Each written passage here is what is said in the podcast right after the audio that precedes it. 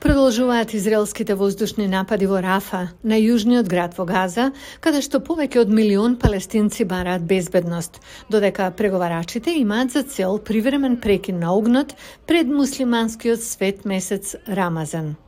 Се надевам дека до следниот понеделник ќе имаме прекин на огнот. Ваквиот пробив е важен за председателот Џо Бајден, кој се соочува со демократи згрозени од билансот на загинати во Газа – Тој победи на прелиминарните избори на Демократската партија во Мичиген, дом на голема арапско-американска изборна единица, но се соочи со опозиција од кампањата Слушај го Мичиген. Таа ги мобилизираше луѓето да гласаат неопределени, за да го притиснат Бајден да поддржи траен прекин на огнот. Еден од нив е американецот со палестинско потекло Адам Абу Салах, кој работел на кампањата на Бајден во 2020 година. Мислевме дека тој ќе биде некој што ќе ја води ова земја со хуманост и сочувство, но наместо тоа тој управува со лицемерие.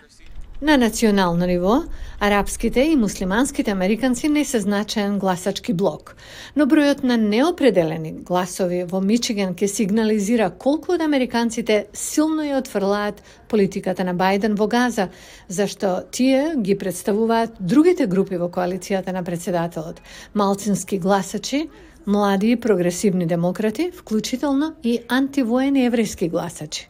Higher up Democrats Демократите на повисоки позиции предпоставуваат дека демократите ќе се појават да гласаат и ќе се појават да гласаат за Бајден, бидејќи другата опција е толку ужасна и предизвикува страв. Но тоа исто така ги фрустрира гласачите, затоа што чувствуваат дека нивната позиција не се слуша. Некои американски муслимани велат дека дури алтернативата не може да биде полоша од Бајден – Прогресивната демократка Самра Лукман е дел од кампањата на Пушти го Бајден. Кога имате некој како мене денес да седне пред вас и да каже подготвена сум да прифатам председателство на Трамп за да го тргнам Бајден од функцијата, тоа е навистина доказ за тоа дека овој председател не успеа.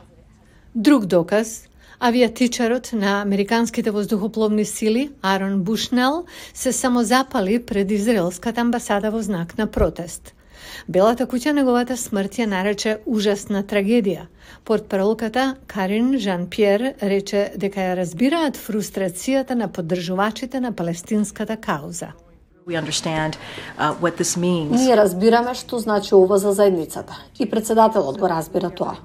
Ние многу се грижиме за тоа ништо поминува оваа заедница. Но критичарите на Бајден велат дека тој не слуша и покрај различни анкети кои покажуваат дека се поголем број американци поддржуваат траен прекин на огнот во Газа. They're listening to donors and they're listening to pressure groups. Тие ги слушаат донаторите и групите што прават притисок. Па каде е центарот на моќ на партијата? Кај е истеблишментот? Каде е мнозинството гласови во партијата? Кај прогресивното крило? Тие се оние кои чувствуваат дека нема правда и мир со сегашната политика. Без драстична промена во поддршката на Бајден за Израел, Зогби рече дека ќе биде тешко да се убедат арапските гласачи во САД, кои ќе бидат клучни во Мичиген на ноемвриските избори. Не се потребни премногу гласови за да се изгуби оваа сојузна држава. Во 2016 година, поранешниот председател Доналд Трамп ја освои со помалку од 11.000 гласови.